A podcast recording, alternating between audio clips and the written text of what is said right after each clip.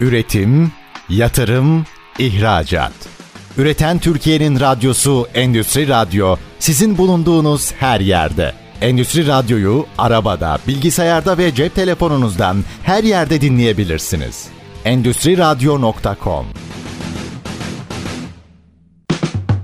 Çetin Ünsal'ın hazırlayıp sunduğu İşte Bunu Konuşalım programı başlıyor.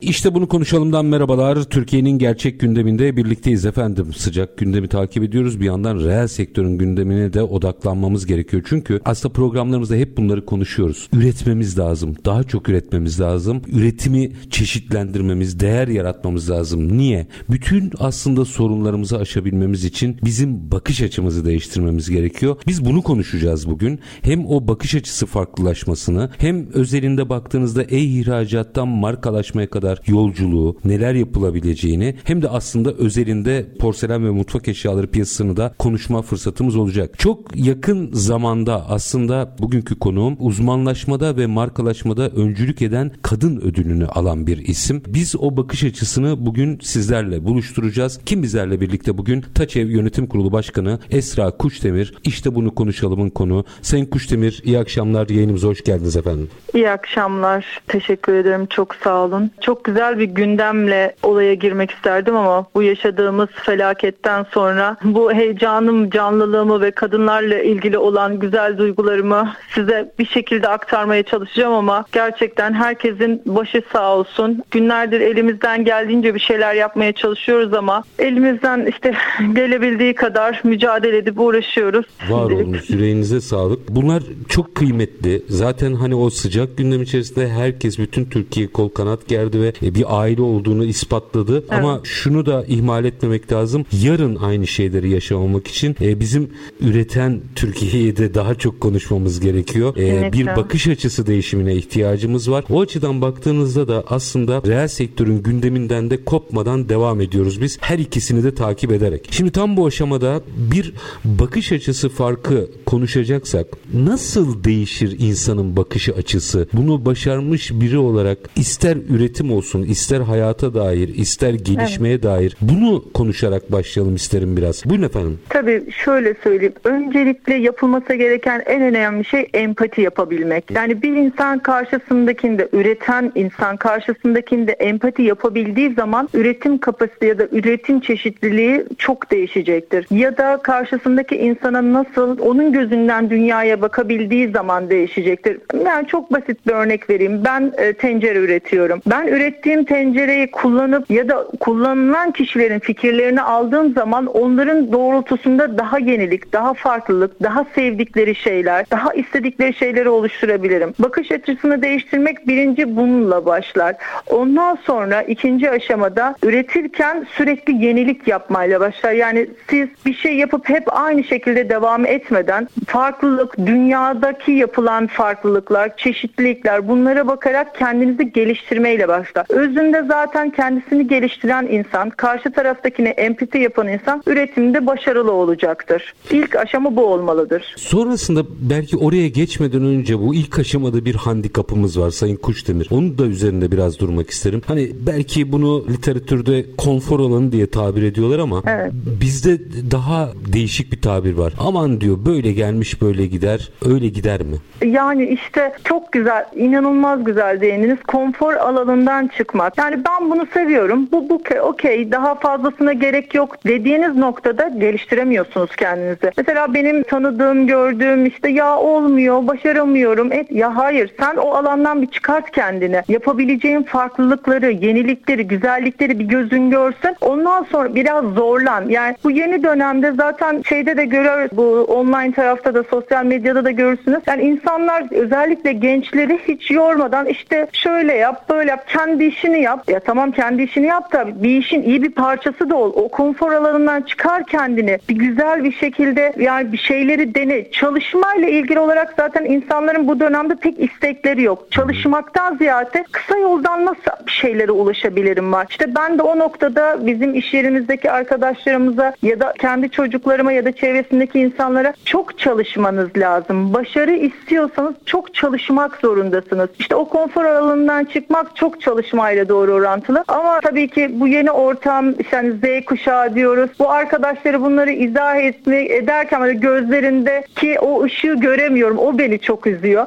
Çok izah etmeye çalışıyorum. Yani anlayanlar tabii ki var ama yani işte birazcık zor oluyor. Çünkü önceden daha kolaydı. İnsanlar daha mücadeleci, daha uğraşıyorlardı. Şu anda böyle çok uğraş yani özellikle genç nesilde ben ciddi anlamda zorlanıyorum. İzah edemiyorum kendilerine durumu. Çalışmak önemli ama orada bir Evet. noktayı daha açmanızı rica edeceğim. Patinaj yapmamak için çünkü o da bir çalışmaktır. Evet. Ee, yani o şöyle düşünelim. El freni çekik bir araba akşama kadar gaza bassın. Günün Evet. sonunda gaza basıyor demektir. İlerleyebilmek için galiba başka hamleler de yapmak lazım. Dünyayı da okuyor olmak lazım. Biraz belki buradan açalım mı? Çalışalım Tabii. ama deyip 3 nokta koysam. Dünyada tüketiciden ekonomiye, üretime kadar hatta ticarete biraz sonra e-ticareti açacağım. Neler değişti? Bir kere bunun altını çizelim ki patinaj yapmayalım. Yani tabii ki şimdi bu yeni arkadaşlarımız, yeni öğrenen arkadaşlarımızın bir kere sizin de bahsettiğiniz gibi tüm dünyayı araştırması lazım. Yani eğer kendi konumdan gireyim, eğer ben bir tencere üreteceksem tüm dünyadaki olasılıkları, yapılan şeyleri, yapılan çalışmalara bakmam lazım. İkinci aşama olarak da tabii ki bir dil biliyor olmak lazım. Ben bunu her zaman söylüyorum bu genç arkadaşlarımıza da. Yani bir müzik aleti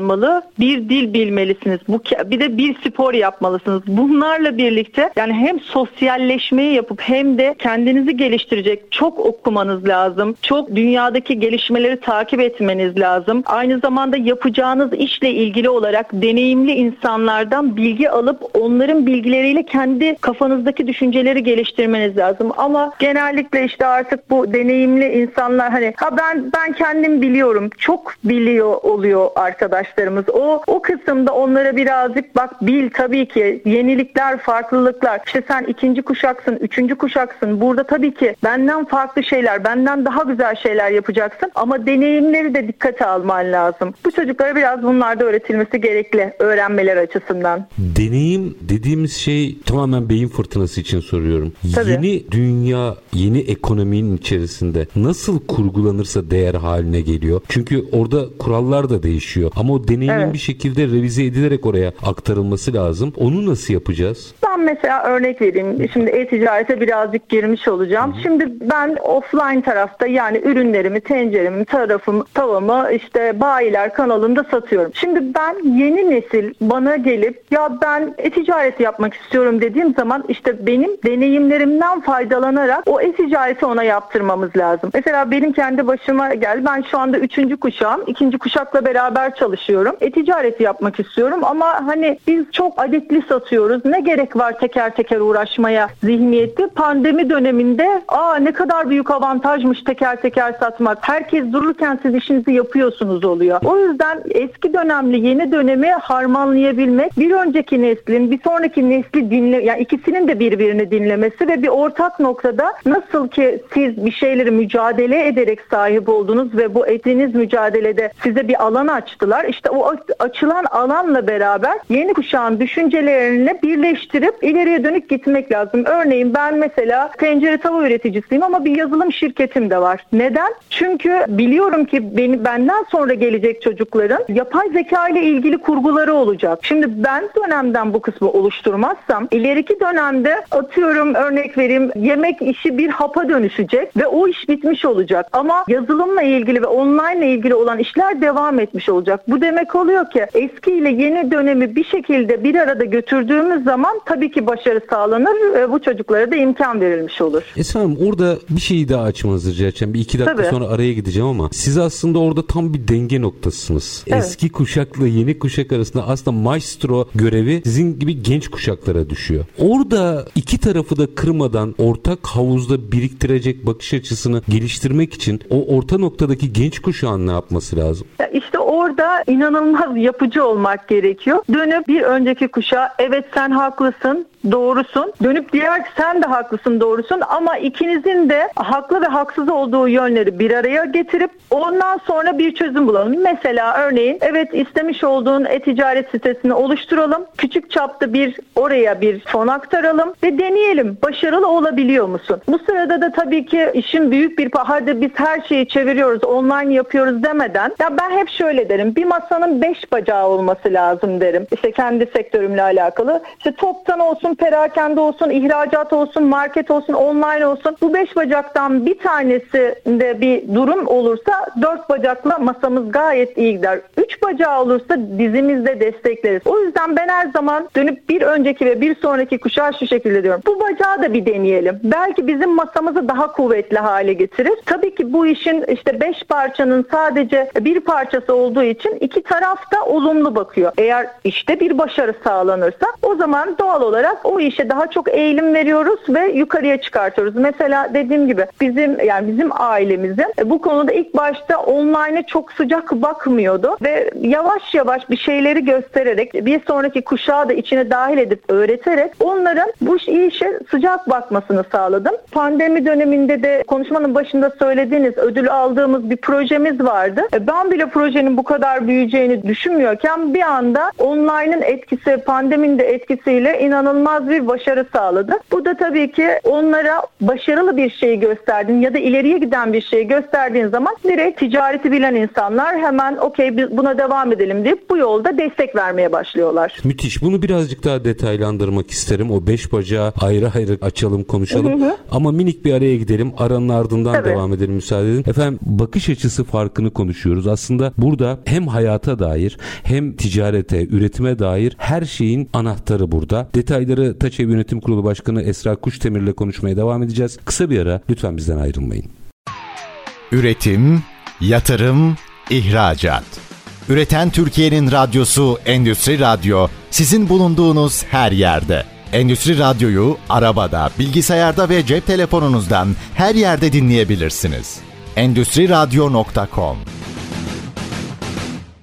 Kısa bir aranın ardından işte bunu konuşalım devam ediyor efendim. Bakış açısını farklılaştırmayı konuşuyoruz. Konuğumuz Taçev Yönetim Kurulu Başkanı Esra Kuştemir. Sayın Kuştemir 5 ayaktan bahsettiniz aslında. Evet. Biraz açar mısınız o ayakları lütfen? Şimdi biz 2018 yılında ciddi bir kriz olmuştu. Şirketimiz olarak e, biz toptan ağırlıklı ürünü satıyorduk, ürünlerimizi satıyorduk ve bu krizden sonra toptancılarımızda bir durgunluk başladı doğal olarak. Çünkü yapılan işlerde, yapılan satışlardaki durgunlukla doğru orantılı. Ben de o sırada dedim ki ya bu yaptığımız şey çok yanlış. Tek bir kanala bağlı kalarak devam etmek doğru bir strateji değil. O yüzden kendime bir şey oluşturdum, yapı oluşturdum ve dedim ki benim bir masam olacak ve bu masada beş tane bacak olacak. Birinci bacağı toptan kısmı, ikinci bacağı perakende kısmı, üçüncü bacağı ihracat, dördüncüsü marketler ve beşincisi online. Ve kendime şöyle bir e, kurgu yaptım. Dedim ki ben dedim bacaklardan online sıkıntıya mı? Girdi. Masamın dört bacağı var. Çünkü üreten bir tesisiz, iki tane üretim tesisimiz var ve bunları durdurma şansımız yok. Üretici firmaları herkes bilir.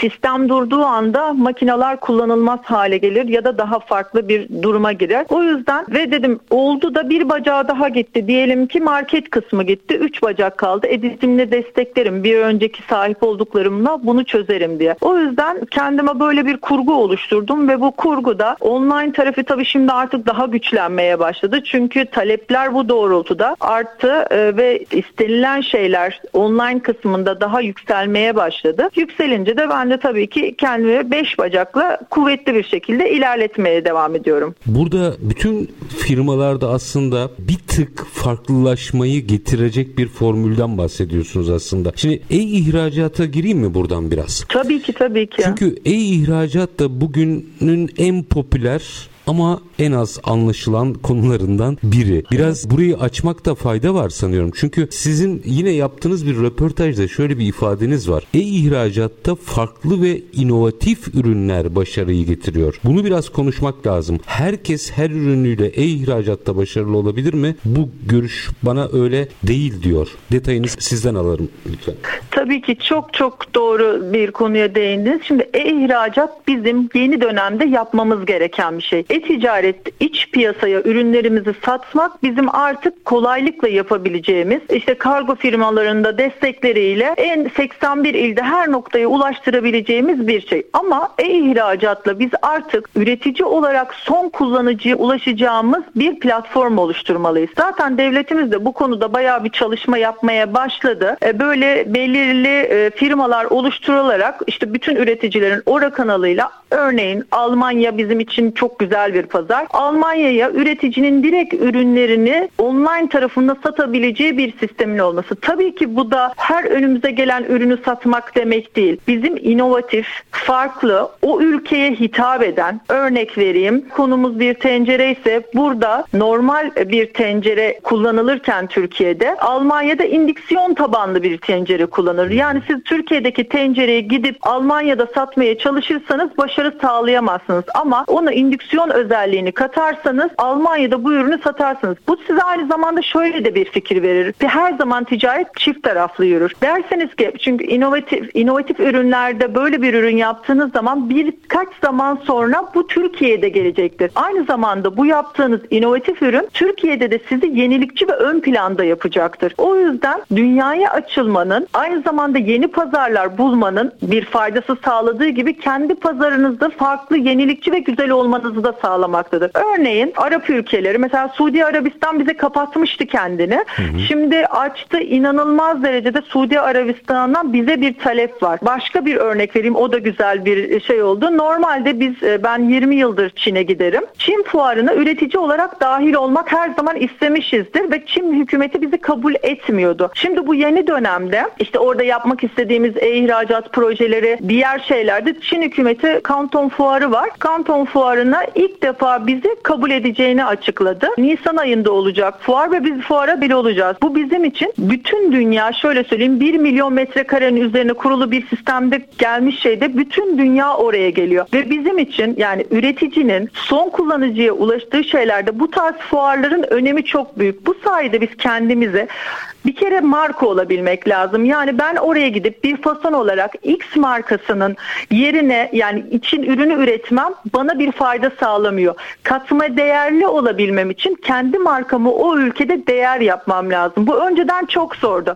Ama şimdi sosyal medya sayesinde kullanabileceğiniz influencerlarla kendinizi bir anda o ülkede eğer ki inovatif bir ürün yaparsanız değer olarak gösterebilirsiniz. Şimdi bu kritik bir konu. Bunu birazcık açacağım. Evet. World E-Commerce e, Forum'da yaptığınız konuşmada. Şimdi orada diyorsunuz ki tamam e-ihracatta geçelim. Şu kat, markaya değer katmayı açacağım ama ilk önce bir tık öncesine geçeceğim. O konuşmada diyorsunuz ki farklı olmanız, farklılaşmanız lazım. Şimdi evet. ben bunlar çok önemli kavramlar ama Türkiye'de içi boşalıyor. O yüzden birazcık açalım istiyorum. Hı. Siz e, panelde aslında forumda orada açıyorsunuz ama dinleyicilerimizle de buluşturalım. Farklılaşmak dediğimizde biz doğru şey anlıyor muyuz? Yani mevcut ürünümüzle mi, hizmetle mi, pazara göre mi? Onun altını doldurmamız lazım. Mesela inovasyon diyoruz. İnovasyonun altını nasıl dolduracağımızı bilmiyoruz. Biraz somutlaştırabilir misiniz bize? Tabii gene işte ürünlerle ben bunu size somutlaştırabilirim. Mesela ben normalde bir kek kalıbı üretmiştik. E, yani üretiliyor. Bütün Türkiye'de yıllarca böyle bir milimden ince bir kek kalıbı üretiliyordu. Ve oturdum düşündüm dedim ki yani ben bu ürünü dünyaya satmak istiyorum. Sadece Türkiye'de değil ama bu ürün yani e, diyelim 30 yıldır üretiliyor. Ben ne yapabilirim? Şimdi burada tabii benim ürün grubu benim sektörümdeki %99 diyeyim erkek. Erkek olduğu için ürüne bakış açılar tabii ki biraz daha teknik oluyor. Benim buradaki avantajım kadın olmanın verdiği yani avantaj avantajla e, ürünleri nasıl e, daha farklılaştıracağımı düşünmek ve döküm kek kalıpları üretmeyle ilgili kafamda bir kurgu yarattım ve bunların üzerini şekillendirirsem dışarıdan pasta yaptırıp alan, kek yaptırıp alan yani böyle değişik yaptı. Evde bunu neden yapamasınlar? İşte bu bir inovasyondur. Dışarıdan alabileceğin ürünü ya da yiyeceği ya da keki evde kadınlara kolay bir şekilde nasıl yaptırabilirsin? Bununla ilgili bir proje çıkarttım ve bu proje e, inanın dünya çapında çapında bir etki yarattı ve bütün Avrupa, Arap ülkeleri olsun hepsinin aynı şekilde bu ürüne bir talep doğdu. İşte benim demek istediğim bu. Siz olan bir ürünü çok farklılaştırarak değer de katabilirsiniz. Hiç olmamış bir şeyi de çıkartabilirsiniz. Örneğin bir şimdi belki biliyorsunuzdur air fryer Hı-hı. furyası çıktı. Her tarafta dolanıyor. İşte bu bir inovasyondur. Yani normalde bir fırını küçük bir hale getirip tezgahın üzerine koyabilmek büyük büyük bir başarıdır. Ve bunu şu anda e, diyelim ki yılda takribi olarak 600 bin evliliğin yapıldığı ve işte insanların evlerini yenilediği dönemde hiç olmayan bir ürünü o tezgaha koyabilmek inovatif bir harekettir.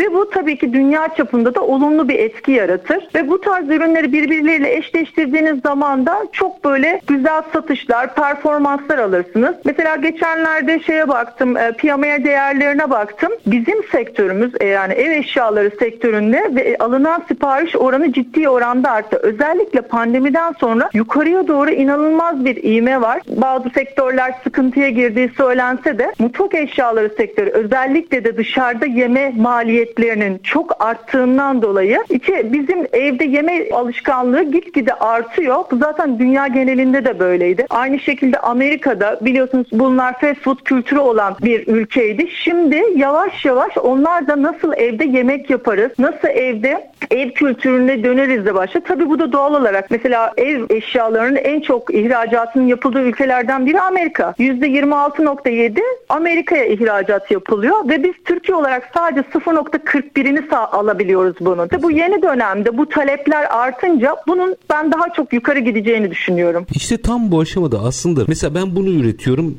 bitti. Hayır resmi doğru okumak, konjonktürü takip etmek, geç... bunların hepsi aslında bakış açısını farklılaştıran argümanlar değil mi? Kesinlikle. Kesinlikle çok doğru. Yani bizim bir tek düzelikten bir çıkmamız gerekiyor anladığım kadarıyla. Ya işte o konfor alanı var ya ben bunu üretiyorum buradan para kazanıyorum. Ya daha niye kendime bir kalıp maliyeti çıkartayım ki? Zihniyetinden çıkmak lazım. Bu yapacağım yeni kalıpla çok farklı şeyler üreterek hem insanlara değişik bir ürün sunacağım, yeni bir bakış açısı yapacağım. Hem de inanın bakın ben bu şeyleri yaptığımda, ürünleri yaptığımda kek kalıpları bana şöyle bir cümle kullanan oldu. Sen bu ürünleri üretmeseydin insanlar ne satacaktı? O dönem bir e, piyasa sakinlemişti. Bu çok farklılık getirdi. Bazı insanlar da benzerlerini üretti. Ben her zaman bunu destekliyorum çünkü ne kadar çok üretirsek o kadar iyi olacağını düşünüyorum. Bunun en güzel örneği Çin'dir. Yıllarca Çin hükümeti üreticilere dehşet bir destek sağlamıştır. Bu sağladığı destek de şu an zaten meyvelerini veriyor. Dünyanın ilk sırasına oturmasını sağladı. Çünkü üretmek demek her şeyin başına geçmek demektir. Ve bu inovasyonu sağlamak için de öyle mucize bulmanıza gerek yok anladığım kadarıyla. Herkesin gözünde büyüyen nokta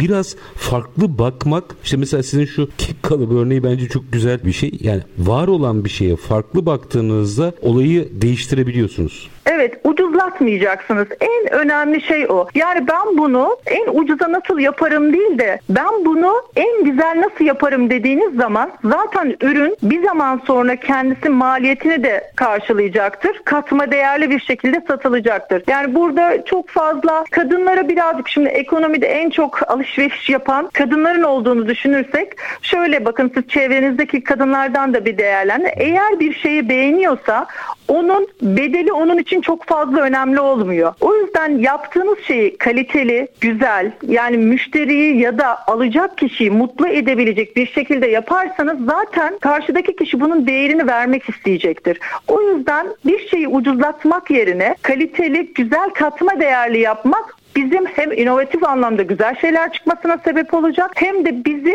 daha değerli bir marka statüsüne getirecek Türkiye genelinde. Benim hep söylediğim o. Yani siz ilk geze Almanya'ya işte Avrupa'nın herhangi bir yerine de bir şey yaptığınız ihracat önemli değil. Kendi markanızla o ihracatı yapabiliyor musunuz? Benim için en değerli olan kısım bu. Şimdi üreticilerin genellikle en sıkıştığı noktalardan biri budur. Ya üretirler ya da markadırlar. Bir markanın üretici olması genellikle çok fazla değil. Çünkü üretici Üreticinin odak noktası ben kalıplarımı alayım, ben üreteyim, ben en iyisini çıkartayım. Markada ben bu markayı nasıl parlatırım? İşte bunların ikisini yapmaya çalışıyoruz biz şirketimiz olarak. Tabii ki zor oluyor ama bunu yaptığınız zaman işte o biraz önce bahsettiğim üreticinin son kullanıcıya marka olarak buluştuğu noktada buluşmuş oluyoruz. Şöyle sözler duydunuz mu? Olmaz o. Aa, sayısız, sayısız. Yani öyle söyleyeyim size. Olmaz, hayır, tatmaz. Şimdi bu bir e, tabii hep kek kalıbı kalıbına dönmüş olduk ama ben bu kek kalıplarını ilk yaptığım zaman şöyle söyleyeyim. Normalde 20 birime satılıyor bir kek kalıbı. Benim ürünümün maliyeti 80 birim oldu. Ve kesinlikle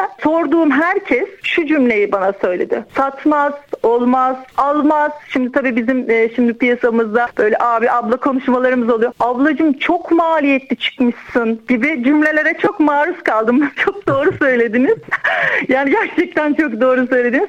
Ben ne yaptım? Ben de dedim ki o zaman dedim ben sistem şöyle yürüyor. Üretici toptancıya, toptancı perakendeci, perakendeci son kullanıcıya ulaşıyor. O zaman dedim ben de stratejimi değiştiriyorum. Üretici olarak son kullanıcıya ben kendim bir gideyim bakayım. Bu satar mı satmaz mı? Burada virgül atın. Çünkü tamam. e, işte aslında hamle orada. Orada inovasyon yapanın kararlılığı, direnci çok önemli. Sonraki stratejiyi de aslında e-ihracat boyutuyla biraz açmak istiyorum. Ama minik bir tamam. araya gidelim ederim. Araya gitmem gerekiyor. Aranın ardından ben size olmaz o demeyeceğim. Nasıl oldu diye soracağım ki e, tamam. çok kişiye ilham olsun. Taçev Yönetim Kurulu Başkanı Esra Kuşdemir'le işte bunu konuşalım diyeceğiz. Kısa bir ara lütfen bizden ayrılmayın. Üretim, yatırım, ihracat. Üreten Türkiye'nin radyosu Endüstri Radyo sizin bulunduğunuz her yerde. Endüstri Radyo'yu arabada, bilgisayarda ve cep telefonunuzdan her yerde dinleyebilirsiniz endüstriradyo.com İşe dair her yerde bakış açımızı değiştirmemiz gerekiyor. Çünkü kurguyu başka türlü değiştirmemiz mümkün değil. Biz detayları Taçev Yönetim Kurulu Başkanı Esra Kuşdemir'le konuşuyoruz. İşte bunu konuşalım diyoruz. Şimdi Sayın Kuşdemir araya gitmeden önce olmaz o evet. diyenlere formülle karşılık verdim dediniz. O zaman ben de direkt tüketiciye satarım. İşte orada e-ihracat evet. ya da e-ticaret devreye giriyor. Oradaki şöyle bir durum var. Herkes işte ürünlerimizi koyalım ve yapalım bitti falan gibi bir durum da var. Bunu çok iyi yapanlar da var. Onları tenzih ederim. Fakat evet. anladığım kadarıyla orası da tıpkı konvansiyonel piyasayı yönetmek kadar operasyonel bir iş. Biraz Kesinlikle. o boyutu açabilir misiniz bize? Tabii şimdi mesela bu süreci anlatıyordum. O size zaten bu konuda bir fikir vermiş olacak. Ben şimdi bahsettiğim gibi üretici toptancıya, toptancı perakendeciye, perakendecinin son kullanıcıya yaptığı bu süreçte e, toptancıyı ve perakendeciyi ki bizim sektörümüzdeki gene altını çiziyorum kendileri erkek oldukları için e, ikna edebilme kısmı çok zor. O yüzden ben de kendimce dedim ki bu üreticiden son kullanıcıya nasıl ulaştırabilirim? Burada yemek yapmayı bilen ev hanımları ama gerçek ev hanımları yani ahçılardan bahsetmiyorum. Ben bu şekilde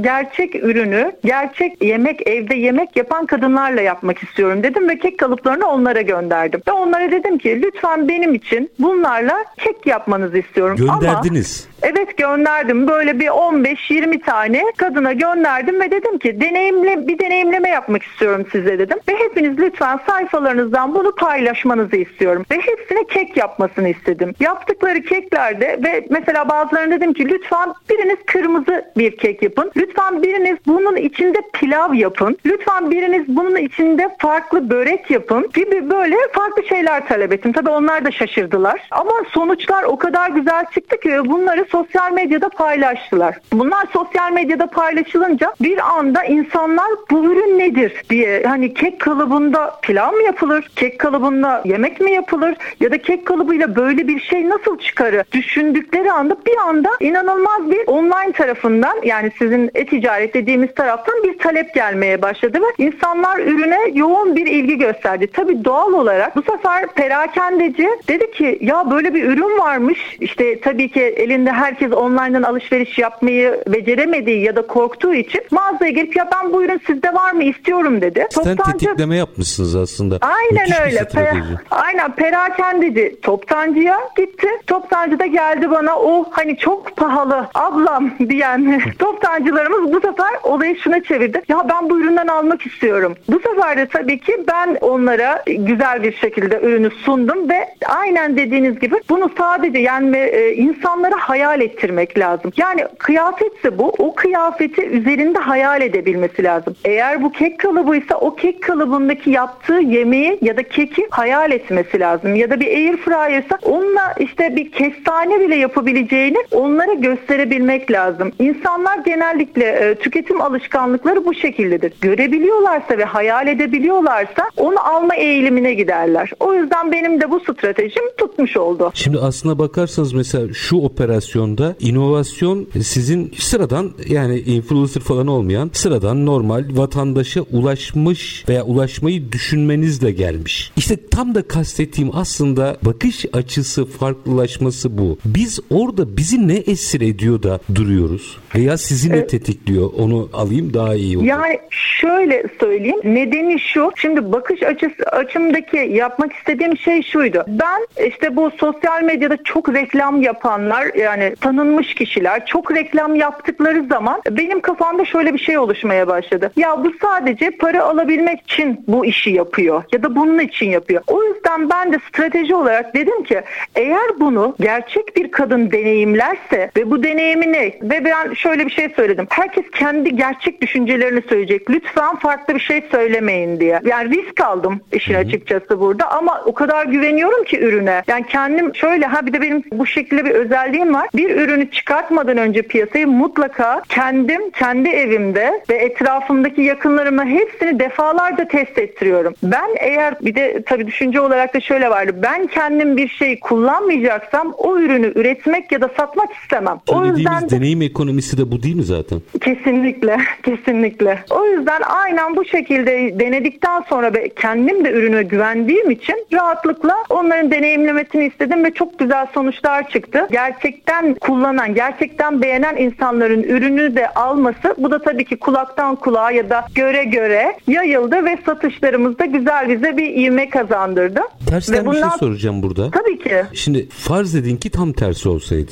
Yani beğenilmeseydi. Aslında bu da çok büyük bir kazanç değil mi? Sizi Kesinlikle. gereksiz bir yatırımdan kurtarmak adına olmaz o öyle demekten çok daha gerçekçi bir deneyim olmaz mıydı? Tabii ki zaten ben sürekli bu şekilde yapıyorum. Önce numunelerimi hazırlıyorum ve bunları kendimle birlikte testlerimi yapıyorum. Bu testlerden başarı sağlandığını ve insanların 10 kişiden onun da gözünün parladığını gördüğüm anda kalıp maliyetlerimi, yatırımlarımı yapıyorum ama şöyle söyleyeyim başarısız olduğu zaman da hiçbir zaman üzülmedim. Burada... Başarısız olduğum zaman aa dedim demek ki ben burada bir şeyi yanlış yapmışım. Hadi Esra devam et. Bir dahakine daha iyisini yaparsın deyip bu şekilde devam ettim. Her zaman böyle gitti. Burada aslında her sektör için geçerli yorumlamanızı rica edeceğim bir konu var. Ürününe aşık olmak yerine ürününe güvenmek gerekmiyor mu? Kesinlikle. Yani e, tabii ki ürününe aşık olabilirsin, ürününü çok sevebilirsin ama öncelikle ürününüzü yani kalitesine bakın altını çiziyorum her zaman ucuz ürün taraftar hiçbir zaman olmadım ben. Ürününün kalitesine güvenmek lazım. Ürününü kaliteli yapmak lazım. Ürününü kaliteli yapıp satıldıktan sonra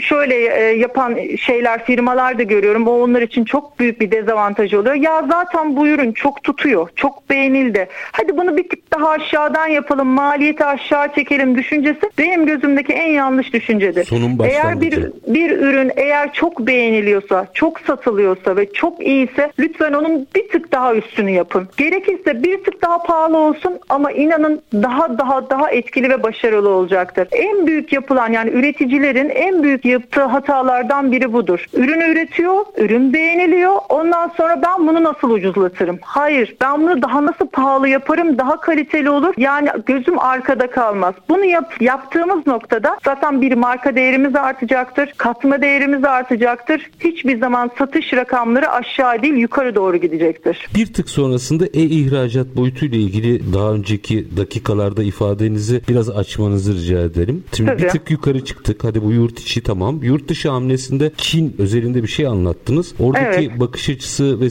stratejiyi de konuşmak isterim. E, bu birçok üründe ve sektörde farklılaşabilir ama benim derdim buradaki bakış açısını almak. Hı. Diyorsunuz ki markayı değerli hale getirmem gerekiyordu. Evet. Mesela şöyle düşünülebilirdi. Çin'e giriyorum fiyatta rekabet edeyim. Hayır siz diyorsunuz ki markayı değerli hale getirin. Orada evet. da mesela influencerlarla bir şey bir hamle yapıyorsunuz. Evet. O oradaki hedeflemeyi biraz açabilir misiniz bize? Yani seri üretimin yapıldığı bir ülkeye giriyorsunuz. Üstelik evet. dünya pazarı açısından baktığınızda dominant ülkelerden biri ve diyorsunuz ki burada fiyatta rekabet etmeyeyim. O bakış açısında biraz almak isterim. Tabii şimdi bakın bu sadece Çin olarak değil benim kafamdaki ülkeler genelinde bütün dünya ülkeleri var. Şu andaki hedeflerim arasında Rusya da var. Şu an çok zor bir pazar gibi gözükse de aslında bizim kendimizi en iyi ifade edebileceğimiz pazarlardan biri. Çin olsun, Rusya olsun, Almanya olsun buradaki hedef belirttiğim gibi Rusya'da da bir sürü üretici var. Almanya'da da bir sürü üretici var. Şimdi beni beni değerli kılan şey orada farklı ürettiğim ürün ve markama kattığım değer. Ben şimdi inanın genel olarak Çin'i insanlar çok rekabetçi ve ucuz olarak biliyor. Halbuki öyle değil. Çin'de ne kadar şöyle söyleyeyim dünyadaki en pahalı yerlerden biri Çin'dir. Çin'e gittiğiniz zaman eğer kaliteyi sunarsanız, güzel ürünü, farklı ürünü sunarsanız orada başarılı olmama şansınız yok. Bu dünyadaki bütün ülkelerde de aynı şekilde geçerlidir. Yani e-ihracat anlamında yapacağımız her adımda bizim kendimizi bir marka konumuna getirmemiz lazım. Çünkü bir ürünü verilen değer marka olduğu zaman senin verdiğin değerle ölçülüyor. Öbür türlü ya bu işte e, çok ucuz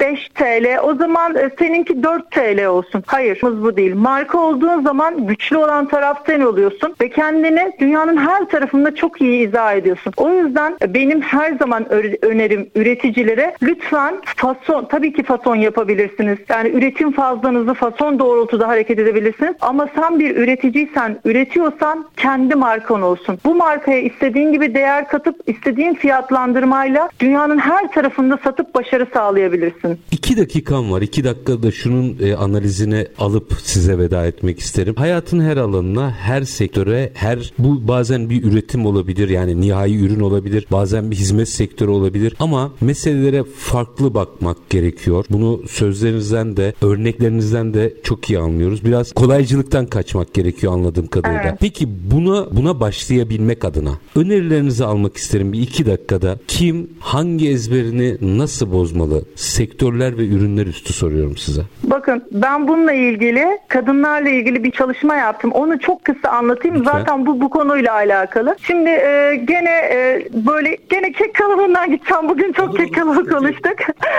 Şimdi bu kek kalıplarını ilk yaptığım zaman bir de hanımefendi bana şey attı, mesaj attı. Esra Hanım ben sizin ürünlerinizi satmak istiyorum ama bir firmam yok. Paketleme yapamam, fatura kesemem, işte ürün alamam, param yok. Yani ben kendi kendime bir düşündüm. Ya ben bu kadına nasıl yardımcı olabilirim? Hani imkansız bir şey istiyor gibi benden. Ama o sırada aklıma bir fikir geldi. Dedim ki peki dedim ürünü ben göndersem, parasını ben alsam. Ondan sonra ona da sen bu ürünü benim için sadece tanıt ve siparişi al desem. Acaba nasıl olur diye kafamda kurgularken 81 ilde 81 kadına böyle bir destek sağlasam, evde oturan kadınları onlara iş imkanı bir e, kendi düşüncelerimi anlatsam, aktarsam ve böylelikle onlara bir nebze de olsa faydalı olup çalışma hayatlarını onları içeriye alsam diye kurgularken takribi olarak 3000 kadına ulaştık. Çünkü bu benim söylediğim insanlara yani bir insan coşkulu bir şekilde kendi düşüncelerini, yapıldığı şeyleri, bütün aksaklıklarını, problemlerini, iyi şeyleri, yapılacak yenilikleri güzel bir şekilde izah ettiği zaman insanlar öğrenmeyle, yapmayla, başarmayla ilgili sizin peşinizden geliyorlar. Ben 81 kişi hayal ederken 3000 kişiye ulaştı. Bu da şunu gösteriyor. Yani deneyimli bilen kişilerin, bilmeyen ya da korkan kişilerin, o alanından çıkmak istemeyen kişilere bazı şeyleri anlatabilirsek onlar da çıkıp bizle birlikte çalışacaktır. O yüzden bu yaptığımız işte hem